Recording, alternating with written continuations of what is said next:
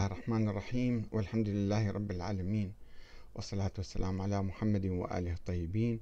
ثم السلام عليكم أيها الأخوة الكرام ورحمة الله وبركاته. هل كان يجب على العراقيين في الحرب العالمية الأولى أن يثوروا ضد الدولة العثمانية ويرحبوا بالاستعمار البريطاني؟ هل أخطأ الشيعة في مقاومتهم للاحتلال البريطاني وثورتهم في سنة 1920 في الحقيقة هذا سؤال يعني من الصعب علي أن آه، أطرحه الآن بعد مئة سنة من ثورة العشرين آه، لأن بعض الأخوة آه، يعني الأخوة الآن الذين يدعون الوطنية والإسلام والتدين ربما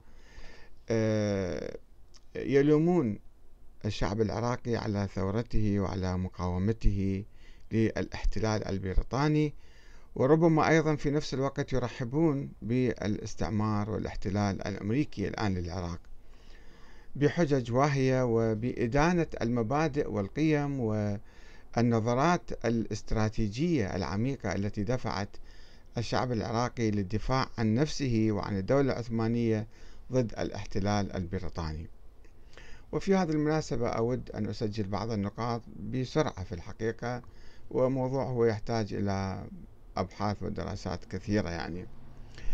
آه، يتحججون بأن الدولة العثمانية كانت دكتاتورية وكانت عنصرية وكانت متخلفة ومهملة للعراق وبالتالي فالاستعمار البريطاني جاء وجاء بالسكك الحديد والمستشفيات والطرق وما إلى ذلك. هذا آه، صحيح. يعني الدولة العثمانية يعني كأي دولة قامت بالتاريخ العربي والإسلامي آه، دولة كانت تقوم على عائلة حكم العائلة وكانت دكتاتورية وكانت وفي الأيام الأخيرة السنين الأخيرة آه، حدث هناك انقلاب قومي تركي ضد الخلافة العثمانية ضد مبادئ وقيم وشعارات الخلافة العثمانية. التي كانت ترفع الخلافة الإسلامية والإسلام كرابطة بين الشعوب المختلفة التي كانت تحتها. فالطورانيون الأتراك العنصريون قاموا بانقلاب مشبوه طبعا ومدعوم من, من قبل الغرب لتتريك الدولة العثمانية ولذلك فرضوا استخدام اللغة التركية على البلاد العربية وقاموا بمجازر و قتل للوطنيين المقاومين لهم ولا سيما في الشام في بيروت وفي سوريا. ولكن هل هذا كان مبرر لكي يثور العراقيون الذين كانوا ينضوون تحت الخلافة العثمانية ضد العثمانيين ويرحبوا بالدولة بالاحتلال البريطاني أم لا؟ في الحقيقة يعني إذا إحنا رجعنا التاريخ العربي كله والتاريخ الإسلامي هناك العرب مثلا في البداية فتحوا البلاد وحكموا البلاد المسلمة كلها ب وكان فيهم أيضا عنصرية وكان فيهم ديكتاتورية وكان فيهم إهمال أيضا. ثم جاء الفرس مع الدولة العباسية وأيضا سيطروا على الدولة الإسلامية. ثم جاء الأتراك وتبادلوا بينهم وبين الأتراك. مرة الأتراك يسيطرون مرة الفرس يسيطرون على الدولة الإسلامية بصورة عامة. وكانت طبعا البلاد كلها خاضعة لأنظمة ديكتاتورية وفكر ديكتاتوري وأيضا آه، يعني آه، في شوية من العنصرية ولكن ليست بتلك الصورة. فهل هذا مبرر لانفصال أي بلد أو التحالف مع المستعمرين والترحيب بهم لكي ينقلبوا على البلاد الإسلامية؟ في الحقيقة الغرب الأوروبي أيضا في العصور الوسطى قام بعدة غزوات على العالم العربي وبالذات منطقة الشام واحتل فلسطين لمئات السنين. ولكن المسلمين بما أنهم كانوا متوحدين وتوحدوا بعد ذلك استطاعوا القضاء على الكيانات الاستعمارية في فلسطين وغيرها. هناك نقطة مهمة في الصراع بين العالم العربي والإسلامي بصورة عامة وبين الغرب. هي آه، مسألة الوحدة. عندما نكون موحدين تحت راية أي بلد كان أي نظام كان يعني الدكتاتورية هي سيئة وفيها مشاكل ولكن الوحدة أيضا آه، مهمة والدولة العثمانية كان لها إيجابيات وليست سلبيات فقط. الإيجابية الرئيسية هي حافظت على وحدة الأمة العربية والإسلامية وبالتالي منعت الغرب ما استطاعت يعني في القرون الأولى خصوصا أن آه، يغزو الغرب البلاد العربية. ولكن كما تعرفون منذ آه، القرن التاسع آه، التاسع عشر الميلادي البريطانيون والفرنسيون والإيطاليون احتلوا مصر وليبيا والجزائر وتونس وكذا. بلاد عديدة حاولوا يقتطعون قطعة قطعة وقد دخلت يوما ما آه، المتحف العسكري في بريطانيا في لندن. فرأيت فيديو كان يبثونه. يبثون الخارطة العربية الإسلامية تحت ظل العثمانيين. قالوا هذه الخارطة كلها كانت واحدة. ثم بدأ الغرب أو الدول الغربية بدأت تحتل آه، دولا معينة امتدت يد فرنسية مثلا للجزائر يد بريطانيا إلى مصر يد آه، إيطالية إلى ليبيا يد إذا كذا. ثم قالوا آه، يعني مع تواريخ هذه الحروب والغزوات والاحتلالات إلى أن حدثت الحرب العالمية الأولى فاتحدت الأيادي الأوروبية كلها ضد الدولة العثمانية ويصورون يدان متشابكتان آه، من ناحية الدولة العثمانية ومن ناحية الدول الغربية فصارت الحرب العالمية الأولى.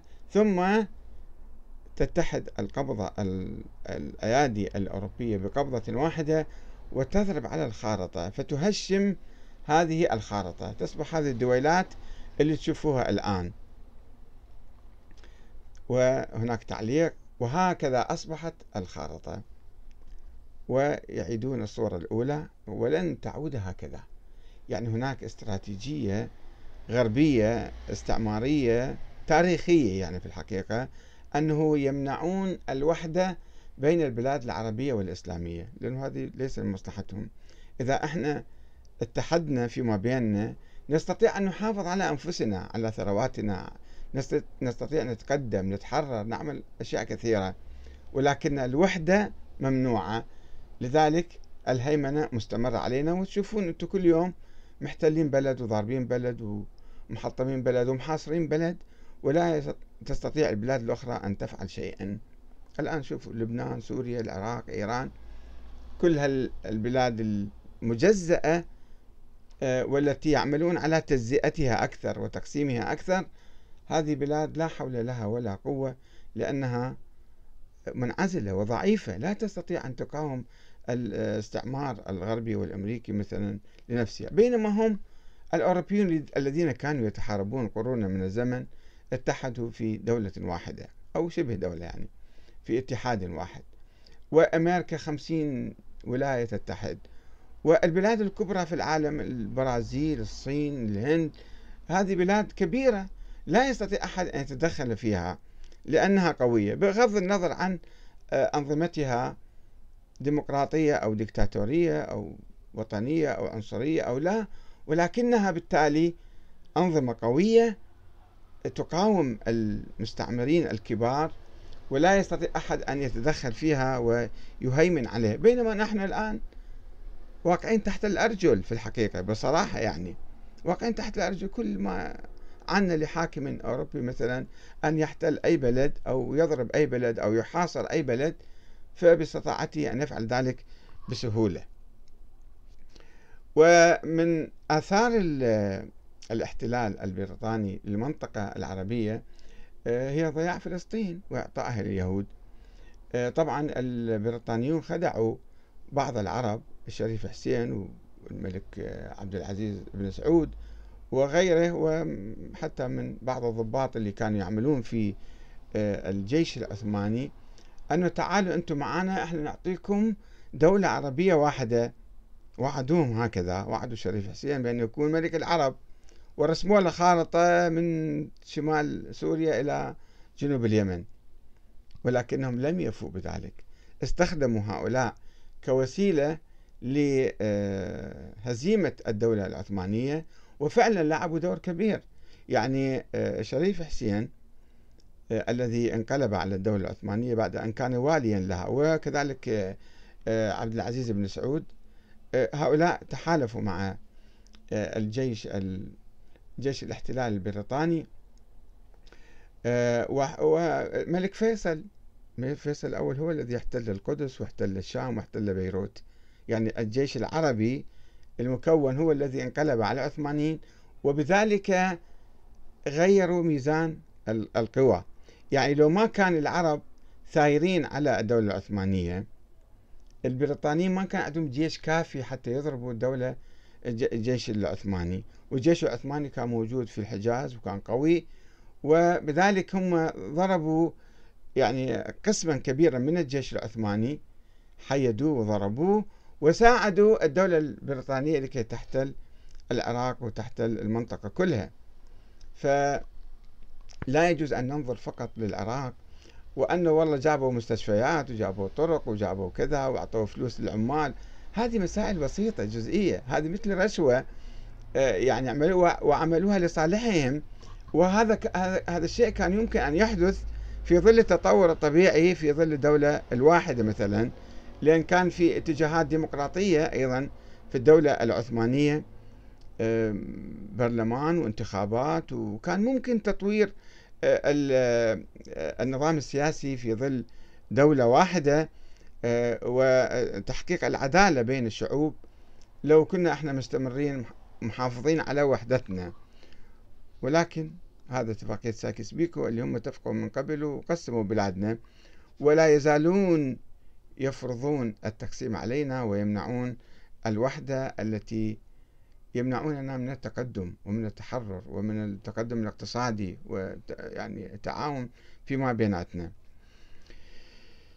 نجي على المراجع الشيعة الذين أفتوا بمقاومة الإنجليز. رغم أنه كانوا بعضهم يحملون يعني ما كان في ذيك الأيام جنسية أساسا لا جنسية إيرانية ولا جنسية عثمانية ولكن كانوا ناس مسلمين يتبادلون ويعني ينتقلون في كل مكان.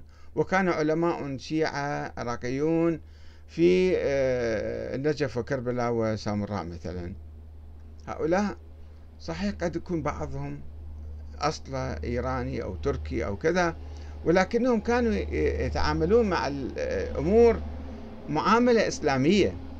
أنا أستغرب من بعض الأخوة يستهزئون عن مبادئ مبادئ الدين كذا. هذا واجبنا يعني آه، يعني غير الإسلام. عيفوا الإسلام على صفحة. هل يقبل أحد أن تهيمن عليه قوة أخرى مغايرة معادية؟